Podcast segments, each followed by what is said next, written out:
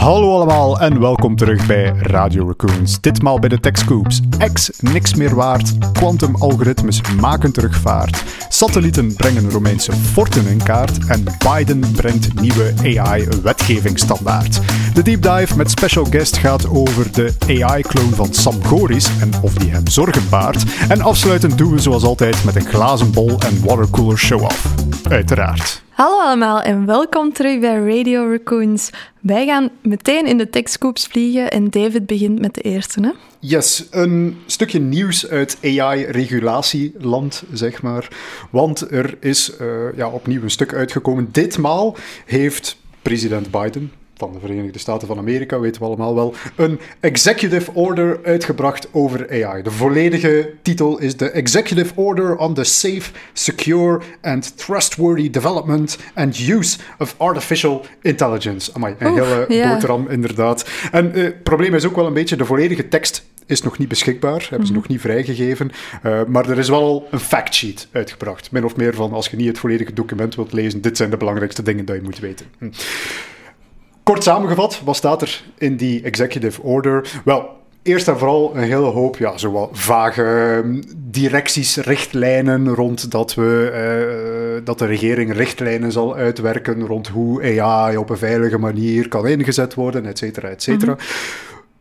Sommige zaken waren ook wel wat concreter. Hè. Er was dan ook uh, binnenkort komt er blijkbaar een verplichting rond uh, AI-gegenereerde media. Net zoals we in China ook al gezien hebben, hè, zal het verplicht worden om daar een watermerk op aan te brengen als het niet echt is en dus gegenereerde afbeeldingen zijn, bijvoorbeeld. Maar wat ik zelf het meest interessante vond, was, uh, we hebben dat ook een beetje gezien met de, de Europese richtlijnen rond AI, is dat er heel sterk geworsteld wordt met, ja, hoe maken we in godsnaam een wet die een beetje future-proof blijft? Hè? Hoe gaan we AI definiëren als AI om de vijf jaar totaal van vorm verandert. En hoe de Europese wetgeving precies in elkaar zit, is dat zij vooral een onderscheid gemaakt hebben op vlak van impact.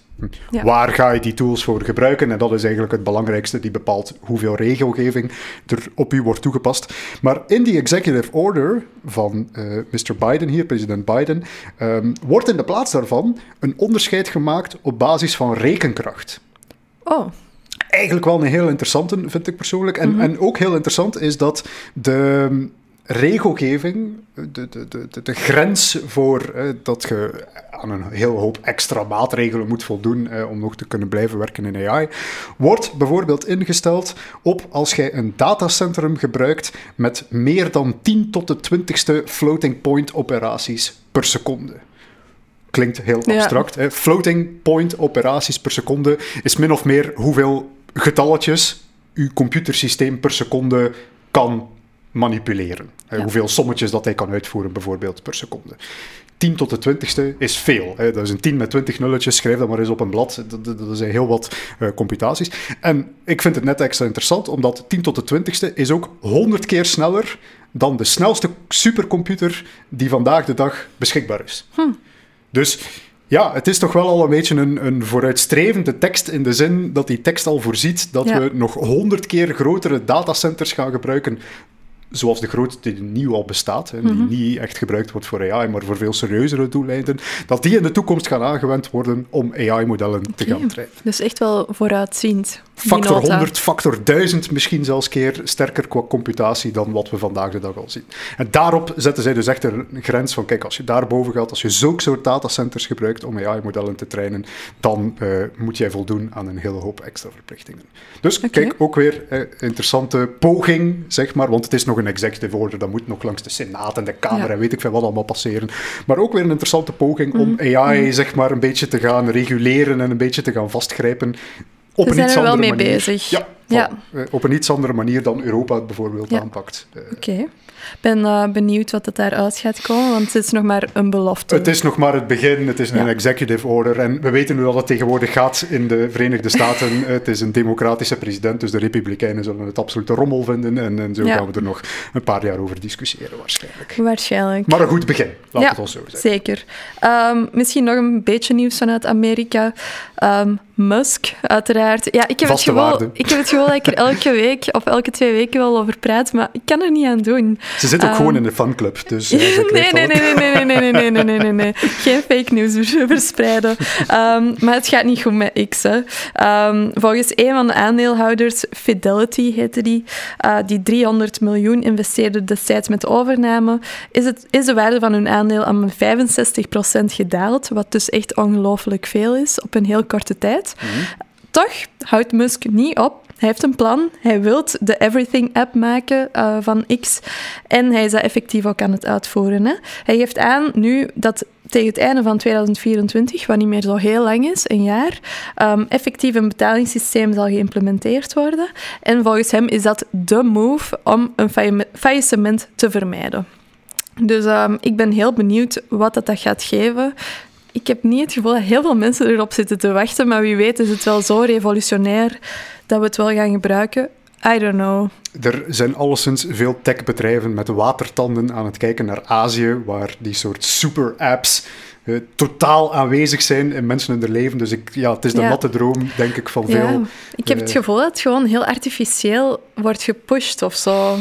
In plaats, allee, ik weet niet hoe WeChat um, is geëvalueerd of zo, hoe dat, dat is begonnen. Ik, ik ken de app eigenlijk ook helemaal niet.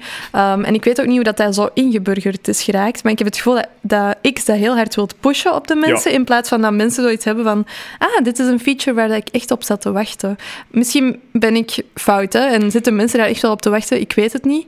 Maar het voelt toch zo een beetje artificieel aan bij mij. Ik, ik denk een van de redenen dat het, dat het betalingssysteem nu zo hard gepusht wordt, is dat betaling echt wel een beetje het kantelpunt is geweest voor WeChat. Ja. Uh, dus WeChat was een gewone uh, WhatsApp-achtige messaging-app mm die, die mensen gebruikten. Maar op het moment dat ze daar ook op mogelijk gemaakt hebben om betalingen uit te voeren, is dat systeem eigenlijk vanzelf gegroeid. We hebben vanzelf bijvoorbeeld voedselleveranciers, de Just Eats van deze mhm, wereld, mhm. zich daarop inge, ja, maar het ingehaakt. Voelt, het is toch helemaal anders, want je zegt een WhatsApp-achtige mm -hmm. systeem. X is, of Twitter is helemaal iets anders dan een sociaal media platform waar dat je naar iedereen toe uh, messages gaat verspreiden. Ik denk wel, ja, je kunt erop DM'en, maar ik weet niet of dat heel veel mensen het zoals WhatsApp gebruiken. Dus ik weet niet ik zou eerder een Payconic gebruiken, denk ik, dan uh, X om betalingen te gaan uitvoeren. Maar misschien ben ik te, te sceptisch. Kijk, binnen vijf jaar klinken wij allemaal als uh,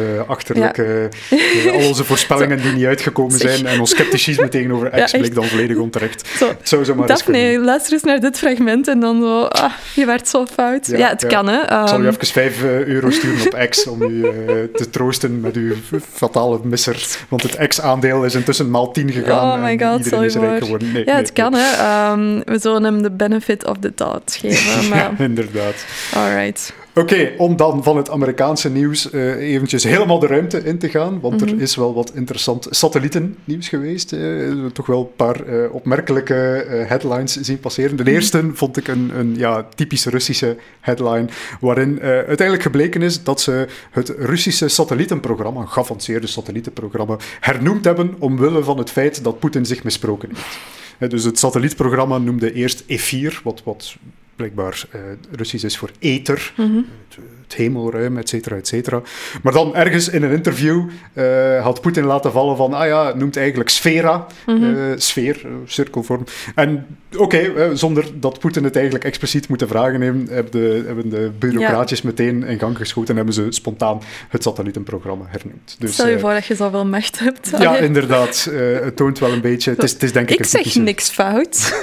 Jullie hebben het fout gezegd. Het zijn de feiten die fout zijn. Hè? Daar, daar moeten we dringend iets aan veranderen. Ja, het is dus wel een heel uh, typisch Russische headline, denk ik dan zelf. Maar dan, in ander, eigenlijk, ja, het is, het is wel mooi thematisch uh, gerelateerd aan elkaar, want het andere satellietennieuws die ik tegengekomen ben, gaat dan over een Amerikaanse satelliet uit de Koude Oorlog. Dus, dus ook wel een beetje mooi aan elkaar gelinkt natuurlijk. Uh, waarbij dus blijkbaar um, Amerikaanse beelden, spionage, satellietbeelden uit de Koude Oorlog, die zijn een tiental, twintig jaar geleden gedeclassificeerd. Dus, ze zijn niet langer geheim mm -hmm. en ze mogen ah, eigenlijk publiek gebruikt worden. Nu, wat blijkt, is dat die beelddata we spreken hier over de jaren 50, 60, het Corona-programma van de uh, ja, Amerikaanse regering. Dus een van de allervroegste uh, spionagesatellietprogramma's. Dus dat is zeer oude technologie, ja. weliswaar. Uh, maar wat blijkt? is dat die beelddata enorm interessante informatie is voor archeologen. Want zij kunnen eigenlijk, ook al bestaan er tegenwoordig veel hogere resolutiebeelden, het probleem is, ja, sindsdien zijn wij als mensheid ook enorm uitgebreid. Uh, zijn er heel wat plaatsen ja, die voor archeologen interessant zijn, intussen ook bewoond. En is daar ook helemaal niets meer op te zien. Maar archeologen zijn dus nu met die oude beelddata aan de slag gegaan om daarop op zoek te gaan naar sporen van oude beschavingen. En zo zijn zij er bijvoorbeeld aan geslaagd om 400 Romeinse forten te identificeren die allemaal ergens in de regio van Syrië en Irak liggen. Ook plaatsen waar je vandaag de dag niet zo gemakkelijk eh, zelf onderzoek kunt gaan doen. Dus ja, een beetje interessante oude openbare data die nu gebruikt wordt voor wetenschappelijk onderzoek. Ik vind het wel een, ja. Uh, ja. Leuk, alright. Interessant weetje voor de wetenschap, zeg ja. maar. Ik vond de titel van het artikel ook uh, heel goed. I spy with my Cold War satellite spy. dus uh, ja, dat is wel leuk dat ze op die manier toch nog onderzoek kunnen doen in uh, gebieden waar dat vandaag de dag iets moeilijker is. Hè? Ja. Um, dan nog een tekstkoop die misschien een beetje aanleunt bij uw eerste, ja, ja. Uh, van AI-regelgeving um, en zo. Er is nu een AI-proof camera gereleased. Uh, Leica camera heeft de eerste camera uitgebracht die foto's kan maken met automatisch geëncrypteerde metadata en Mhm. bewerkingsgeschiedenis. Wat dus eigenlijk betekent dat je een soort van watermerk, allee, het is niet echt een watermerk, maar een manier um, hebt om te gaan nagaan van is deze foto origineel? Is daar al iets aan gebeurd? Is daar iets aan uh, aangepast? Um, en dat, dat kan wel de manier zijn om echte beelden van valse beelden te onderscheiden. Als het geadopteerd wordt, dat gaan we nog moeten zien. Um, het, bedrijf gelooft ook echt dat dat systeem, en het heet Content Credentials, uh, fotojournalisten zal helpen bij hun werk te beschermen en authenticiteit te bewijzen. Um, en zeker in deze wereld van AI-gemanipuleerde inhoud. Dus we zullen zien. Ik denk ik weet het niet. We hebben al eens over Nikon gehad, die het al eens geprobeerd hebben. En dat is helemaal geflopt. Maar misschien omdat de, de, het klimaat is nu ook wel iets anders dan toen, denk ik. Met um, generative AI dat volledig is geboomd. Misschien dat het vandaag wel pakt. Ik weet het niet. Wat ja, denkt het jij? is dus allemaal afhankelijk van hoe sterk dat die encryptie is. Hè. De Ja. Nikon heeft eigenlijk exact hetzelfde geprobeerd. Hè. Dus we gaan op een of andere manier met een versleutelde gegevens proberen bewijzen dat een beeld oorspronkelijk afkomstig is van een camera.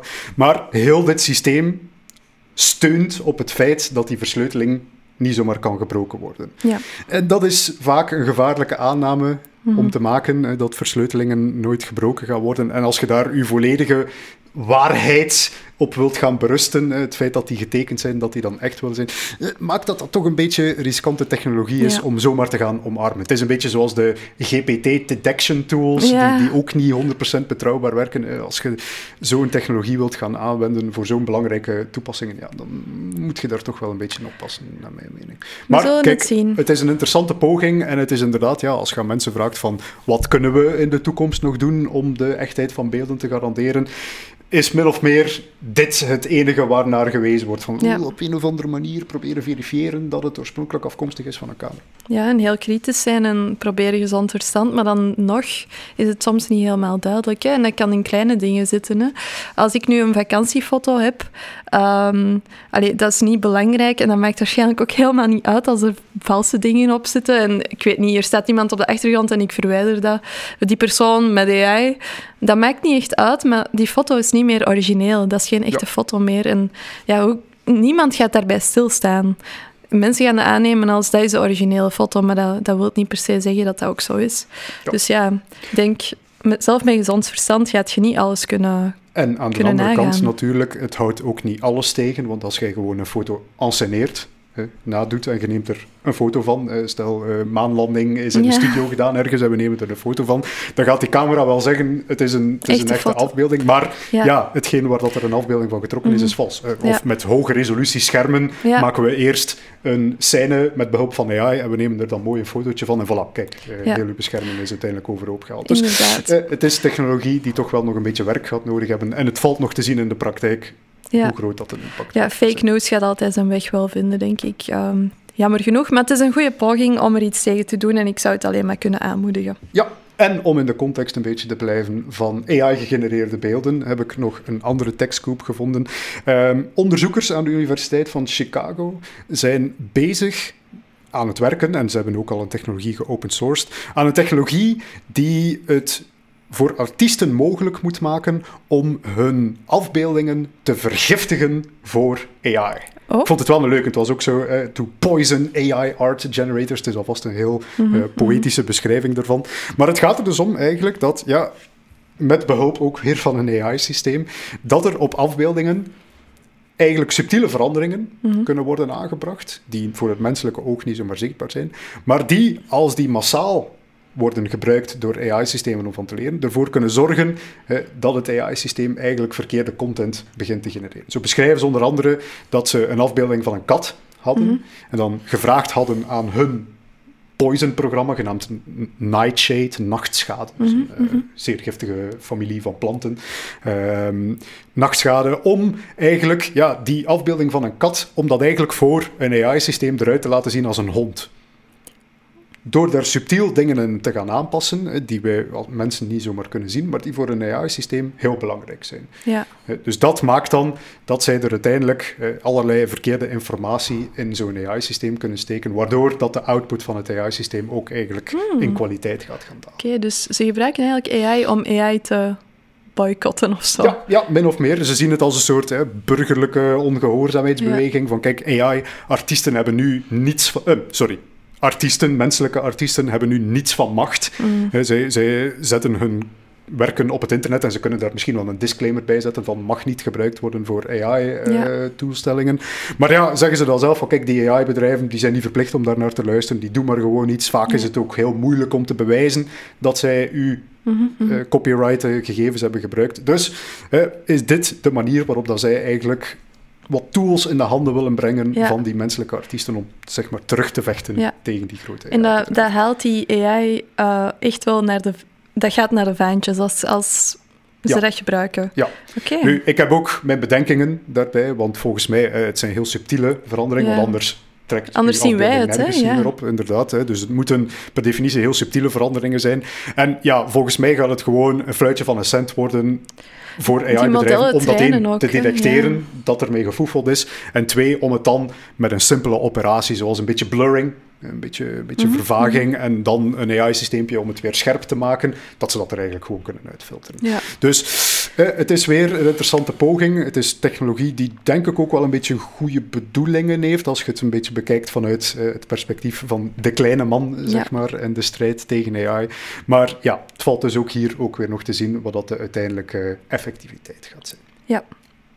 En dan los... Ah, sorry, en dan nog als laatste uitsmijter heb ik nog één nieuwtje te delen uit de quantum computing wereld. Want dat Ja. is toch zo, ja, het is, het, is, het is de laatste tijd een beetje stil aan het worden, vind ik, in eh, quantum computing land. Ook al gebeuren er links en rechts wel een aantal interessante ontwikkelingen.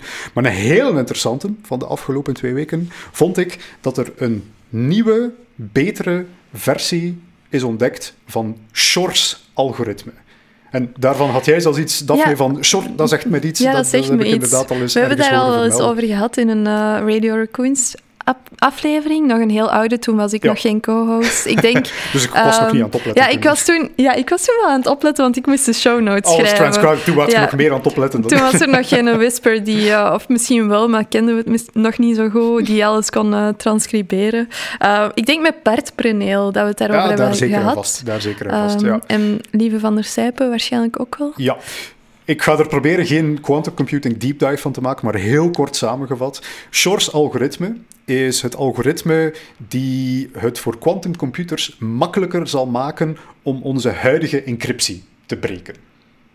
Eh, Technisch gezien gaat het hier over primfactorisatie, die een quantumcomputer sneller kan dan een klassieke computer. En het feit dat primfactorisatie moeilijk is voor onze klassieke computers, is net waarom dat we het gebruiken als encryptiemethode. Ja. Dus dat is de, de grote bedreiging. Zeker als je het aan regeringen vraagt van waarom moet je schrik hebben van quantum computing, dat is het omdat al onze geheimen eh, gaan kunnen gekraakt worden door die nieuwe quantumcomputers. Wel, dus 30 jaar geleden heeft een zekere, eh, ik denk dat het Peter Shore is, maar eh, vergeef mij als ik zijn voornaam nu even verkeerd zeg, eh, maar een zekere slimme meneer genaamd Shore, een algoritme ontwikkeld die dus die primfactorisatie op een quantumcomputer sneller kon gaan uitvoeren. Maar het interessante daaraan is, nadien is dat algoritme 30 jaar lang onaangeraakt. Het was goed. Het was er, het was zeer indrukwekkend. Het is het algoritme van de kwantumwereld. Er zijn er wel nog een paar, maar daar gaan zeker mensen de naam niet van kennen.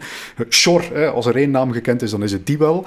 En ja, het probleem is ook dat wij vandaag de dag nog altijd niet echt goed begrijpen hoe kwantumalgoritmes precies werken en, en wanneer dat je precies een goed kwantumalgoritme te pakken hebt en wanneer niet. Dat is iets waar echt wel nog veel moeite in kruipt. Dus 30 jaar lang heeft niemand daar enige verbetering in gezien. Maar nu eh, is er toch een nieuw persoon, zijn naam ontsnapt mij nu eventjes, die, uh, Revel, als ik me niet vergis, die ja, heel wiskundige technieken toegepast mhm. heeft om eigenlijk hogere dimensionele algebra te gaan combineren met het algoritme van Peter Shor.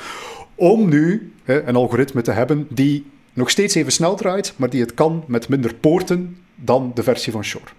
Okay. Dus ik kan Kort samengevat, het draait even snel, maar je hebt een kleinere quantumcomputer nodig om het te draaien. En dat is heel belangrijk natuurlijk, want uh, wij zijn nog altijd op zoek naar het punt waarop dat we een goed genoeg quantumcomputer kunnen bouwen om die algoritmes te gaan draaien. En we zijn er nog een tijdje ver vanaf. Dus elke vooruitgang dat we aan die kant aan het maken zijn, we maken steeds grotere quantumcomputers, maar eh, als we die algoritmes ook iets vriendelijker kunnen maken, dan is dat natuurlijk heel fijn en mhm, heel goed mhm. gewonnen. Dus Peter Shor uh, is niet langer de koning van de quantum-algoritmes. Hij heeft dus een nieuwe kandidaat. En hopelijk, hè, hopelijk, dat is de hoop van de quantum-mensen, dat er zo nog quantum-algoritmes ontdekt of verbeterd worden, zodanig dat het toepassingsgebied van die quantumcomputers nog meer kan uitgebreid worden. Kan AI daarbij helpen?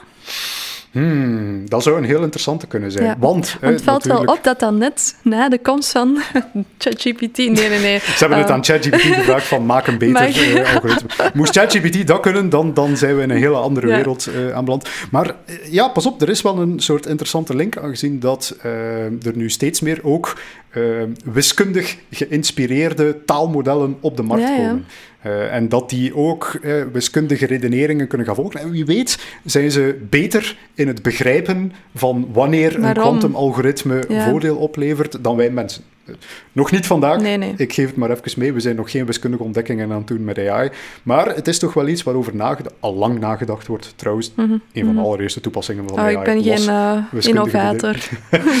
In de jaren 50 en 60 was dat de obsessie van AI-mensen. Van kijk, eh, we moeten een, een AI-systeem maken die wiskundige bewijzen kan produceren. En dan gaan we generale intelligentie hebben is mislukt. En nu gaan we het via taal proberen en denken we, ja, we doen het daarmee. Maar uh, het zou zomaar eens kunnen in de toekomst. Dat wiskunde en AI elkaar eindelijk kunnen gaan vinden. Dus um, ChatGPT helpt die, die uh, wetenschappers nog niet zoals het mij helpt? Nee, nee, nee inderdaad. De quantum-algoritmes, daar moeten we voor de nabije toekomst toch nog op mensen gaan rekenen. Alright, goed. Dat was de laatste techscoop. We hebben er wel nog eentje, maar die gaan we iets dieper uh, bespreken in de deep dive. En daarvoor hebben we ook een gast uitgenodigd. Maar we zullen gewoon direct naar daar gaan. Hè? Yes. Alright, dan is het nu tijd voor onze deep dive. En mensen die ook meekijken naar onze podcast op YouTube zullen al zien dat het een speciale deep dive wordt, want we hebben hier vandaag een gast bij ons, Michiel. Kennen jullie normaal gezien wel al. Uh, maar Michiel komt ja, vandaag toch wel ons iets vertellen over. Het is technisch gezien weer een techscoop, maar een techscoop waar we zelf deel van uitmaken. Dus Michiel, vertel misschien eens waarom zijn we hier vandaag? Yes, we hebben um, op vraag van het Nieuwsblad hebben wij een um, AI-generated song gemaakt van de Vlaamse artiest Sam Goris. Sam Goris. Ja. het was, in, campagne van, het was in, in, het kader van een campagne van het Nieuwsblad die, ik denk, een hele week had, ging duren. Die heet I, I, I. Um, Hm?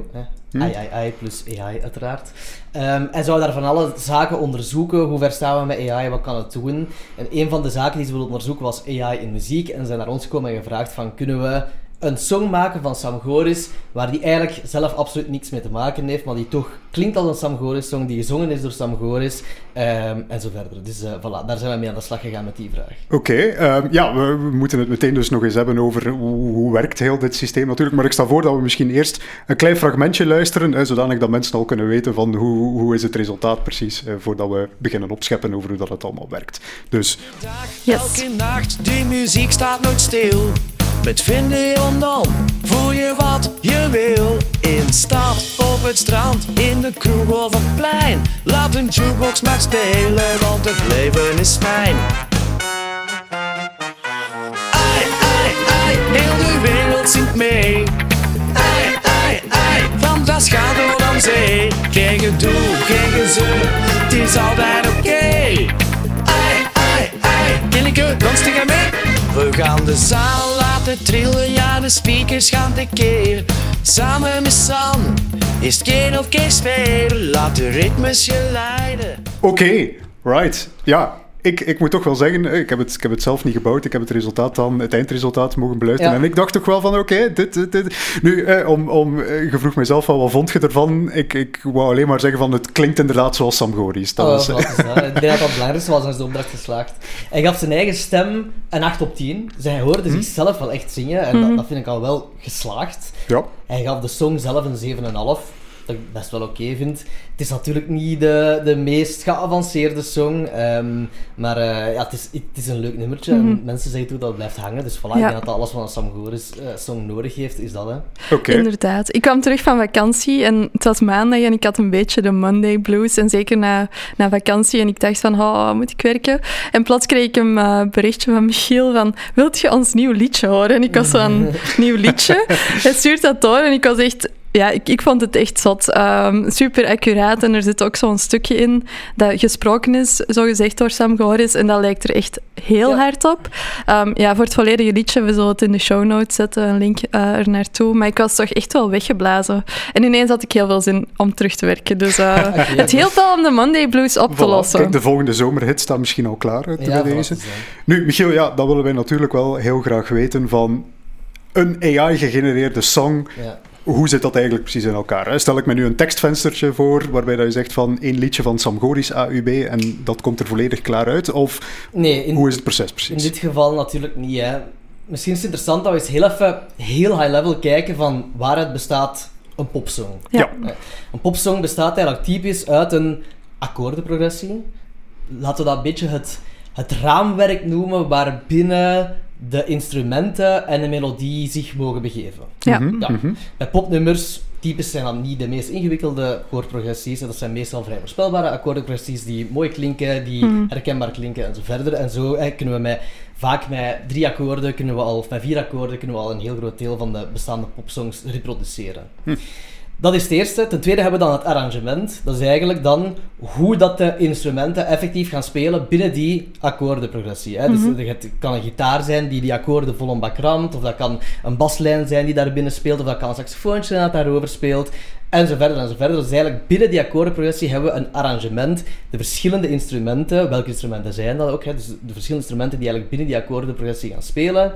En daarbovenop hebben we een zanglijn, een melodie, en die zingt dan ook nog een specifieke tekst. Yes. Ja, dus dat is zo, als we het heel, heel high level ontleden, kunnen we zo eigenlijk elke popsong gaan ontleden tussen koorprogressie, eh, arrangement, zanglijn en tekst. Natuurlijk, de droom zou zijn, is dat we ChatGPT gewijs een prompt kunnen geven. We zeggen hier, ik wil een Sam Goris song, enter, daar komt een Sam Goris song uit, puur in audio. Ja. Maar natuurlijk, als, als we een, een song hebben ontleed in die vier verschillende zaken, dan hebben die in principe ook nog steeds maar op papier, die moeten ook nog ingespeeld worden. Hè. Dat is eigenlijk nog, en nog, nog de laatste stap daaraan. Dus in het ideale geval geven we een prompt en krijgen we audio als output. Ja. En er zijn vandaag al systemen die zo werken. Hè. Ik denk dat er eh, de bekendste vandaag, zou ik durven zeggen, is MusicGen. Een open Van source Google. project van... Meta, denk ik. Meta? Ah. ja. Ja. Ja, dat is van Meta. En dat doet dat al. hè. Dus dan kan je nu een, een klein stukje tekstje ingeven, een referentiemelodietje in meegeven en dan daar een stijl aan meegeven Ja. en zo verder. Je klikt op generate en daar komt 12 seconden, denk ik. 12 Of 15. seconden, ja, komt echt er niet muziek lang. uit. Klinkt super is, dat is puur... ehm, ja, echt volledig computer gegenereerd. Elk aspect dat ik hier dan zeg, is computer gegenereerd. Ook zonder gezang vaak. Meen ik me Vooral instrumenteel. het is- het is zowel zo- vaak zonder zang, maar typisch is er wel een melodielijntje dat dan door een saxofoontje of door een Ja, fluitje ja, of zo ja, ja. gespeeld wordt. Dus dat kan je er zo wel uithalen, maar ja, inderdaad, zonder zang, zonder tekst. Maar dat zijn zo de eerste stappen om echt van tekst, een prompt, naar een mp3'tje dat je kan afspelen. En het zijn duidelijk de eerste stappen daarin. Ja. Een ander projectje dat ook wel bekend is, is Rifffusion. Ja. Rifffusion.com kan je eigenlijk hetzelfde doen. eh, wederom een prompt Heel gelijkaardig aan eh, Music Gen, hè? Ja, Refusion. inderdaad. Achterliggend Refusion gaat trouwens een MEL-spectrogram genereren Hm. met een image generation. David, Ja. je kent dat misschien beter dan Inderdaad. Wel, als je kijkt, eh, ja, nee, dat is eigenlijk al een beetje oud nieuws zeker, maar ik herinner me ook de tijden dat je zo'n waveform te zien kreeg als je muziek aan het afspelen waart op je mediaplayer. Wel, dat zeg maar, gecomprimeerd over de volledige lengte van een audiofragmentje is een MEL-spectrogram. En je kunt er eigenlijk een prentje van maken en dat is dus een visuele representatie van eigenlijk ja, de audio en de, eh, de intensiteit van de audio binnen En, en Refusion gebruikt dus denk ik een vorm van image generation, maar de images dat die generate is een MEL-spectrogram en dan kan je dat afspelen en wordt het Ja. muziek. Klinkt super robotisch. Maar dus, we voelen wel van, hiermee gaan we geen AI AI-song van Sam Goris kunnen maken, dus hebben we het eigenlijk anders aangepakt. Als we terug gaan kijken naar de vier zaken, we hebben arrange- koordprogressie, arrangement, melodie en tekst. En de tekst is vrij voor de hand liggend, hè. We zijn met ChatGPT beginnen praten. We hebben hem wat context gegeven over Samagoris. Wie is dat? Een aantal voorbeeldsongs mee in de prompt gestoken. En eigenlijk daar gewoon mee beginnen chatten, mee beginnen itereren. Van schrijven een eerste versie aan. By the way, I, I, I mag er wel in voorkomen, want dat is de campagne. Ehm, en al die zaken zijn we eigenlijk eh, zo beginnen vragen aan ChatGPT. En we zijn eigenlijk echt beginnen echt converseren met ChatGPT. Zoals we zeiden van, vanaf nu bent je Sam Goris en spreek maar een beetje met een Mechels accent. En waren we echt zo eigenlijk aan het zeveren met Sam Goris, zo gezegd. En zo eigenlijk meer en meer kregen we een be- betere en betere tekst dat daar ook uitkwamen, die Ja, zo wat meer echt in die context zaten. Maar er zitten dingen in, zoals in van Japanse tuinen tot de bossen van Braschaat. Ja, hij is onlangs naar Japan geweest, is op tv geweest, dus dat heeft hem daarin meegenomen. Dus er zijn zo een aantal dingetjes dat je wel... eh, eh, ehm, ik, ik, ik maaide vroeger het gras. Ja. Ik zwoerde vroeger hard, maaide het gras in Elke de tuin. keer, ja. uiteraard een knipoog naar laat het gras maar groeien en zo verder. Dus al die dingen zitten er een beetje in. Mhm. En zo hebben we uiteindelijk een tekst gekregen, wat dat iedereen die al met ChatGPT heeft gespeeld, weet dat je daar wel songteksten mee kan genereren. Dus dat was... Ik Eigenlijk was dat... interessant, aangezien dat meestal als er AI-gegenereerde media wordt gemaakt, dan maken ze er zo'n beetje een punt van van oké, het was de eerste output van ChatGPT en, en dat was het, dat is AI gegenereerd. Als wij er nog feedback aan willen geven, dan, dan eh, is dat eigenlijk een beetje zeur. Ja. Maar nee, ja, ChatGPT, het zit in de naam natuurlijk, chatten, je krijgt alleen maar resultaten als je er ook feedback aan geeft. Dus dat is toch wel een inherent onderdeel geweest van het proces. En het werd veel beter ook, effectief. De eerste versie was echt heel, dat typisch ChatGPT, heel Ja. generalistisch. Echt zo'n hele typische, platte, brave, generalistische tekst, waardoor hem te zeggen echt van... Doe het Sam, deze trekt op niks. Doe eens wat beter. Echt, zo Ja. waren we aan het Ja, praten ja, ja. met, met ChatGPT. En hij begon daar echt op, op te itereren. En uiteindelijk kregen we een tekst waar dat we eigenlijk wel tevreden mee waren. Sam Goris ondergaat misschien een gelijkaardig proces als het een liedje schrijft. Misschien wel, misschien Ja. wel. Ja, voilà, is dat. Dat. Dus dat was de tekst. Dat was de tekst. Het tweede is dan de koordprogressie. Akkoorden worden uitgedrukt in letters. Hè, dus Mhm. eh, C, D, E, F, G, A, B, C. En Mhm. dan de kruisen en de mollen er nog bij. Eh, en mineur, majeur en zo verder. Ehm, we hebben aan ChatGPT een voorstel gevraagd van een koordprogressie. En ChatGPT is daar vrij generalistisch in geweest. We hebben drie akkoorden gekregen. Ehm, de, de drie meest gebruikte popakkoorden gekregen. Maar voilà, die heeft hij eigenlijk er- eruit gespuwd. En die heeft eigenlijk gezegd van, "Kijk, gebruik deze akkoorden maar. En voilà, we hebben zijn, eh, met die akkoorden ook aan de slag gegaan. Oké. Dus er zijn in heel het nummer zijn er drie akkoorden. Voor de liefhebbers, het is, volgens mij is het in la Dus het is A-mol, D-mol en E-mol zijn de drie akkoorden die erin zitten. En die eigenlijk gewoon in verschillende volgordes worden gebruikt door één nummer. Voor de mensen die het nog niet zouden gemerkt hebben, Michiel is naast AI-specialist ook muzikant. Ja, en voilà, is echt ideaal geschikt. hebben, we hebben met drie muzikanten slash mensen die bij AI bezig zijn. En we hebben eigenlijk gewoon de, de of eigenlijk met vier, eh, hebben de krachten gebundeld om eruit te komen. Maar goed, het is dan wat de akkoordenprogressie. Dan het volgende is het arrangement. Hè. Dus hoe gaan die instrumenten binnen die akkoordenprogressie spelen? En eh, wat dat we daarvoor hebben gebruikt is eigenlijk ehm, ja, niet... Je zou het niet echt AI kunnen noemen in de huidige definitie van AI. We hebben zelf bewust geen instrumenten aangeraakt. We hebben geen MIDI-keyboards of piano's of gitaren of zo verder aan toegevoegd. We zijn eigenlijk vertrokken van Apple Loops. En Apple Loops zijn eigenlijk voorgedefinieerde stukjes muziek door verschillende instrumenten gespeeld die standaard in Logic Pro zitten. Logic Pro is een, eh, audio recording software, die by the way ook gebruikt wordt nu op dit moment voor het opnemen van deze podcast. Ja. Dus dat is zo dat eh, Logic Pro werkt en daar zitten heel veel Apple loops in. Daar zitten honderden of misschien zelfs duizenden kleine stukjes muziek, een baslijntje, een saxofoontje, een, een, eh, een, eh, een orgeltje en weet ik veel wat, een, een, een orkestje en zo verder zit daarin. En we zijn eigenlijk gewoon op zoek gegaan naar leuke Apple loops en we hebben die dan binnen de akkoordenprogressie van die ChatGPT ons heeft gegeven, hebben we die eigenlijk allemaal achter elkaar geplaatst. En zo hebben we ineens een heel arrangement.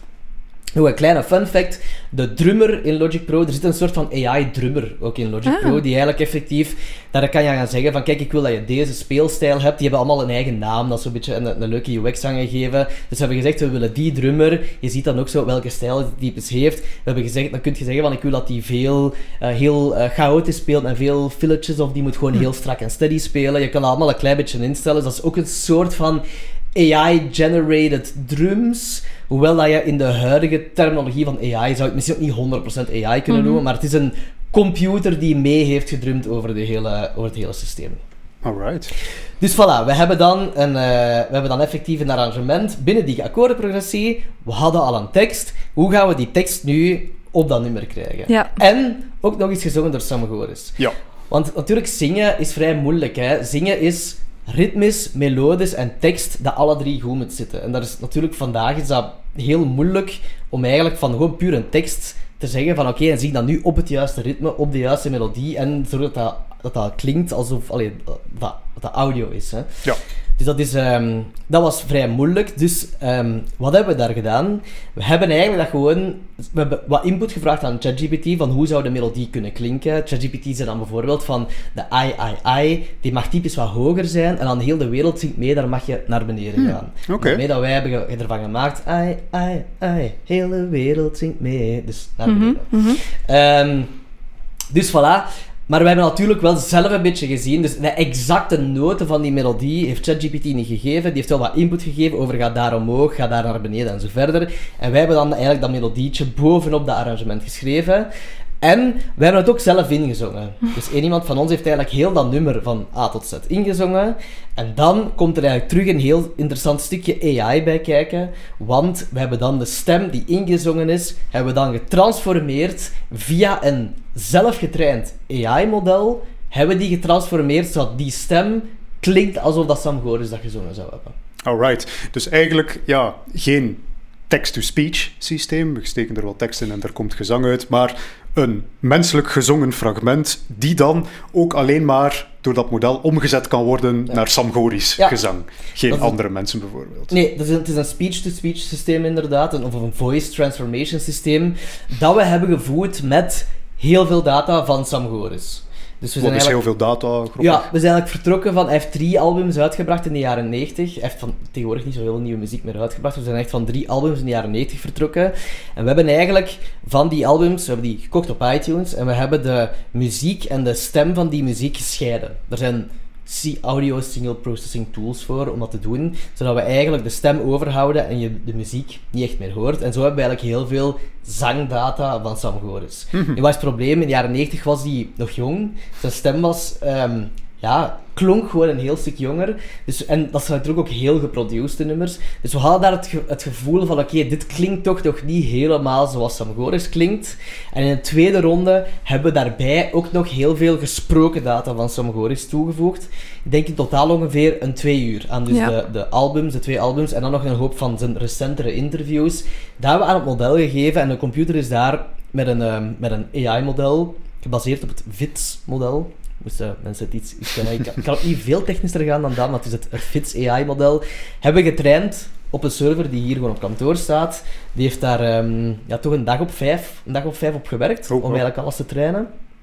En eigenlijk echt te leren hoe klinkt die stem van Sam Goris nu, welke frequenties zit daarin, wat is dat timbre, en zo verder en zo verder. Zodat we achteraf, als we gewoon een andere gezongen audiofile daaraan geven, kan die dat eigenlijk gaan omzetten alsof dat Sam Goris het heeft gezongen. Alright. En ehm voilà, dus, dat, dus we hebben de, zelf een, eh, een, eh, de melodielijn ingezongen. We hebben die melodielijn door het AI-model gestuurd en dan terug bovenop de song geplakt. En eh, nog een paar backings voorzien om het nog iets eh, eh, op, opgevulder te maken. En dat was onze song. Ja.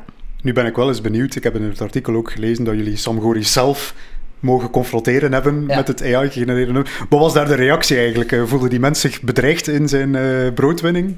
bedreigd niet, maar hij was er toch wel even stil van, omdat hem wel... Hij kon zichzelf wel effectief wijsmaken dat hij zichzelf hoorde zingen. Hij zegt Ja. wel van, ik, ik hoor mezelf hier wel zingen. Dit, dit klinkt wel zoals ik het... zo- Zoals ik het ja, zo- zo- zoals ik klink. Eh, Kelly Pfaff was iets minder enthousiast. Die zegt van, ja, ik hoor de Sam Goris stijl en de Sam Goris schwung hoor ik er nog niet echt in. Wat dat misschien ook wel normaal is, want natuurlijk, het, het is door iemand van ons ingezongen, dus die heeft die schwung misschien ook niet, ja, die persoon. Maar eh, voilà, ik, eh, ik ben wel blij dat hem effectief zijn eigen stem daarin hoorde. Hij vond het ook een, een goed nummer, dus, eh, voilà, dus in Ja. die zin ben ik wel tevreden van zijn, van zijn reactie ook. Oké. En wat denk je dan zelf dat meer invloed heeft gehad op de uiteindelijke kwaliteit van het nummer? Uw eigen muziekkennis, de domeinkennis die je hebt, of, of eigenlijk de AI-kennis die we hebben om daar eh, betere modellen in te Maar vinden? eh, dat is altijd het verhaaltje dat we doen. De kracht zit in de combo van, van allemaal. Hè. Je, hebt, je hebt de menselijke input die nog altijd...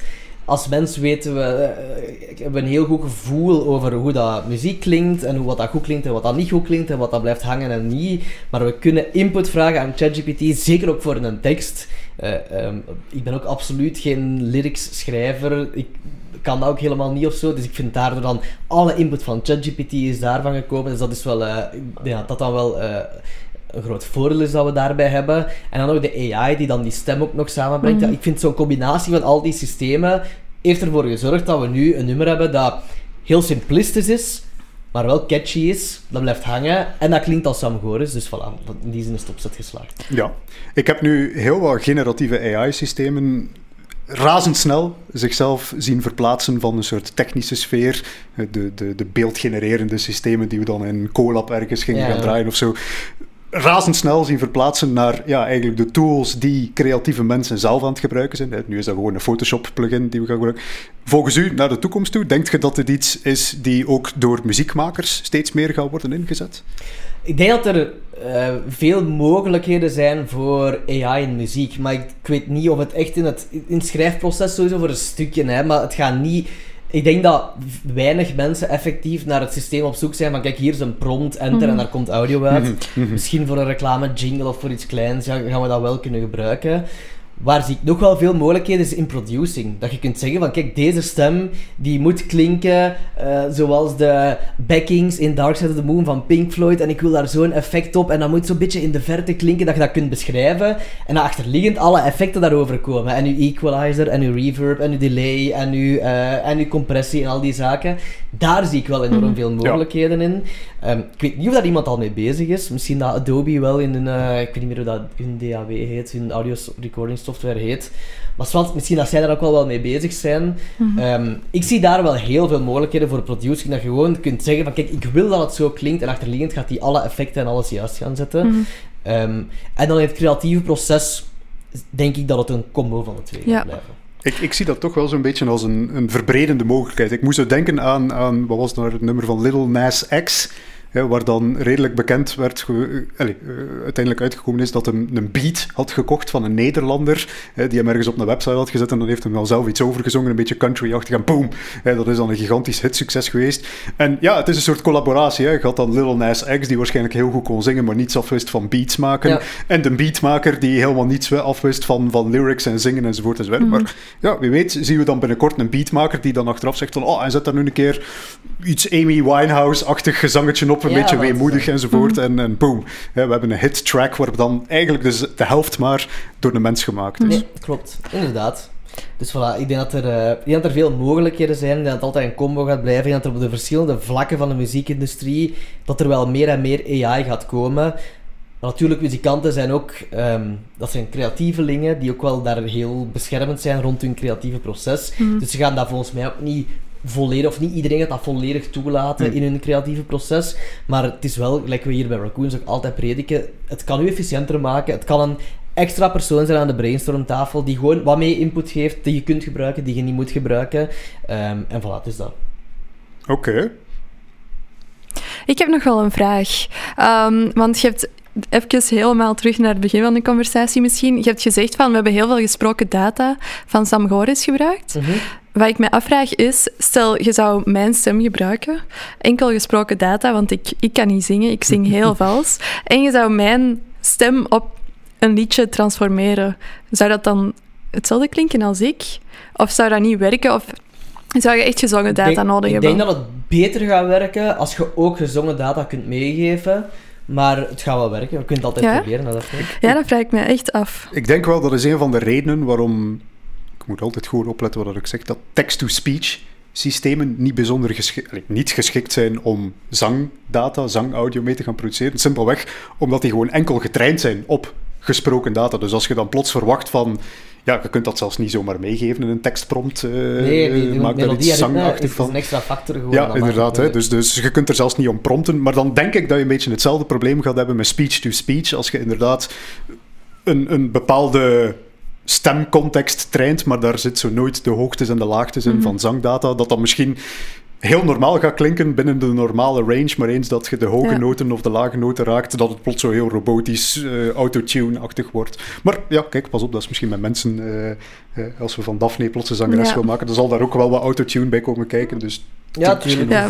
Dus, eh, dus nee, ik, ik denk wel dat het gaat werken. Ik, misschien dat het iets minder herkenbaar gewoon gaat zijn dan de Mhm, Sam Ja, Sam Goris heeft al heel wat copyright-advocaten, Daphne nog niet, dus misschien Nee. kunnen we gewoon Daphne ja lanceren. go als de for it. nieuwe- Ik wil toch geen zangcarrière beginnen, dus eh, een AI-clone En we misschien hebben wel. ook gesproken data van u van de podcast. Ja, dus we absoluut. perfect daar een model op gaan trainen. De nieuwe slagerkoningin treedt zich nu al Oh aan. nee, We oh weten nee. het. Kijk, voorspelling 2024, Daphne wordt gelanceerd als eh, nieuwe slagerartiest. Ja, we weten het hier nu als eerste. Alright, de glazen bal al even eh, gehijacked of wat? Voilà, inderdaad.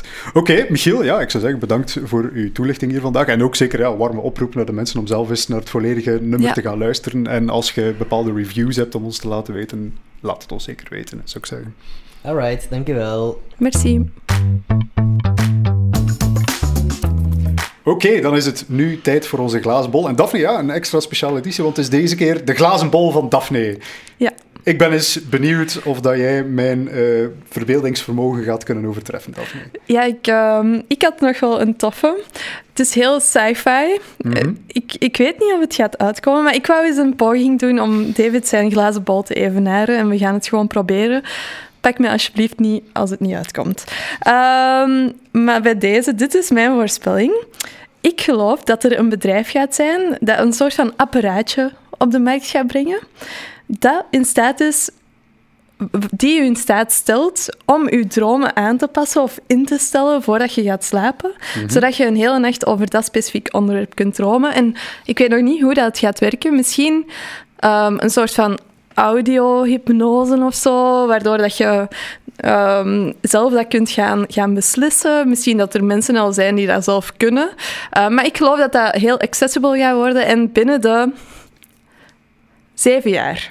Zeven jaar, oké, dat is Ja. een heel ambitieuze timeline. Want ik moet ook zeggen, Daphne, toen dat ik het hoorde, ik dacht meteen van, oeh, dat is een tool waar volgens mij ook interessantere, lees dystopischere zaken mee te doen zijn. Ja, want, want natuurlijk, eh, om je dromen te gaan beïnvloeden, misschien met audio, ik vind het wel goed, hè? een soort, soort Ja, suggestieve eh, sequentie van, van geluiden die je brein in een bepaalde toestand brengt. Ja, dat je zo op een app of zo moet ingeven. Ah, ik wil vanavond dromen over mijn vakantie.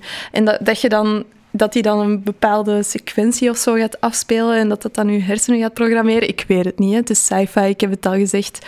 Wel, ik denk ik denk alleszins, moest het kunnen via audio, dan binnen de kortste keren alle, eh, als je in een winkelcentrum rondloopt, zeg maar, de, de Oh speakers oh daar, nee. zullen ook allerlei, naast de muziekjes, geluiden aan het spelen zijn, om je misschien niet te laten dromen, hè, Ja. maar misschien je, je brein onderbewust in een Oh, bepaalde nee. richting te gaan duwen. Misschien Dus- heb je dan plots zin in een colaatje of zo, terwijl je aan het rondlopen bent, en staat daar nu toevallig Mhm, een automaat vlak in je zicht. Ja. Oeh. Dus Oh, ja, nee. kijk, leuke Als- technologie, maar volgens mij Als ook... het uitkomt, dan om het heel plat te zeggen, we're fucked. En je hebt het allemaal te danken aan Daphne. Ja, oh Eh, nee. Als er een bedrijf dankzij Daphne met dit idee op de knoppen komt, kijk, ik heb jullie gewaarschuwd. Ja, sorry mensen. Ik, heb, ik wilde gewoon eens een voorspelling doen, oké? Voilà. Alright, dan gaan we nog eens eh, naar onze watercooler show af. Ja, Goed, David. Wat heb jij voor mij in petto vandaag? ik heb een fantastische watercooler show-off, want het is weer zo een fantastische mix tussen technologie en geschiedenis. Je kent Oké, mij uw al. favoriet. En dan ook nog een beetje poëzie erbovenop gesmeerd. Ik, ik, kon er, ik kon er bijna niet aan weerstaan toen dat ik erover las. Het is een verhaaltje over de vroegste ja, dagen van het internet. Oftewel eigenlijk een beetje de voorloper van het internet, genaamd het ARPA-net. Kort samengevat, het ARPANET was eigenlijk een soort strategisch initiatief van de Verenigde Staten om eh, verschillende computercentra met elkaar te gaan verbinden. En dat is uiteindelijk wat uitgegroeid is tot wat wij vandaag kennen als het internet. Oké. Dus ARPANET is echt een beetje de rechtstreekse voorouder van het Ja. internet die we vandaag kennen. En ja, als je natuurlijk een netwerk wilt bouwen van computers, is een van de belangrijkste dingen dat je moet kunnen doen berichten sturen van de ene computer naar de andere. En, eh, zo is mij onlangs dan ter oren gekomen, eh, wat was dan het allereerste bericht die ooit eh, over dat internet verzonden is geweest. En dus, ja, we moeten teruggaan naar die vroegste dagen waarin ze aan het werken waren aan de Interface Messaging Protocol, als ik me niet vergis. IMP. Aparte apparaatjes die uiteindelijk moesten gaan zorgen voor dat netwerken. De allereerste versie daarvan werd gebruikt om een bericht te sturen van de ene kant van de VS naar de andere. En wat was dan dat allereerste bericht? Ik zal eerst zeggen wat dat de bedoeling was. Eh, zij wouden eigenlijk gewoon de, het woordje login versturen. Om eigenlijk effectief te gaan inloggen op die andere machine van op een afstand. Maar wat is er gebeurd? Eh, het was de allereerste versie van dat protocol. Ehm, het netwerk is gecrashed na twee letters.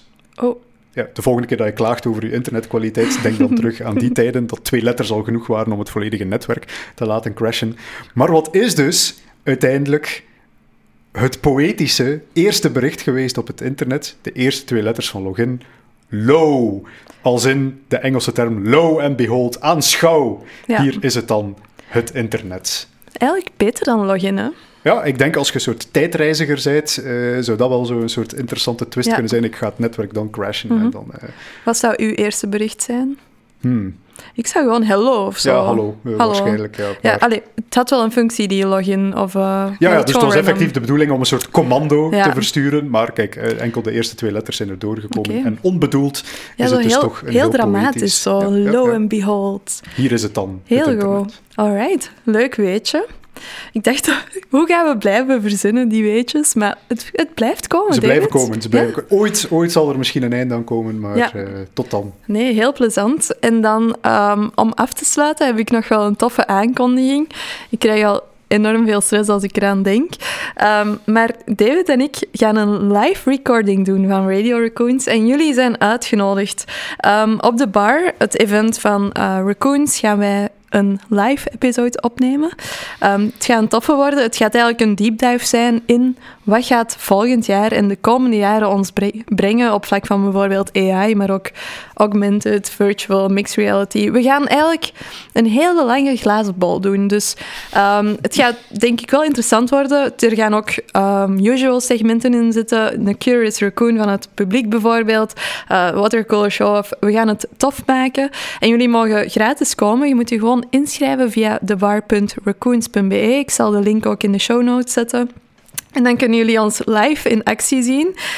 Ik heb wel een beetje stress. David totaal niet. Ehm, Ik ben vooral benieuwd om onze luisteraars eindelijk eens Ja. onder ogen te komen. Dat zou het leuk. leukste zijn. ja, ja ik, ik, ik ben gewoon niet zo'n goede presentator, maar het is de podcast. Dus ehm, ik ga gewoon doen alsof ik in mijn studio zit met, met jullie Ja. erbij. En dat gaat super gezellig worden.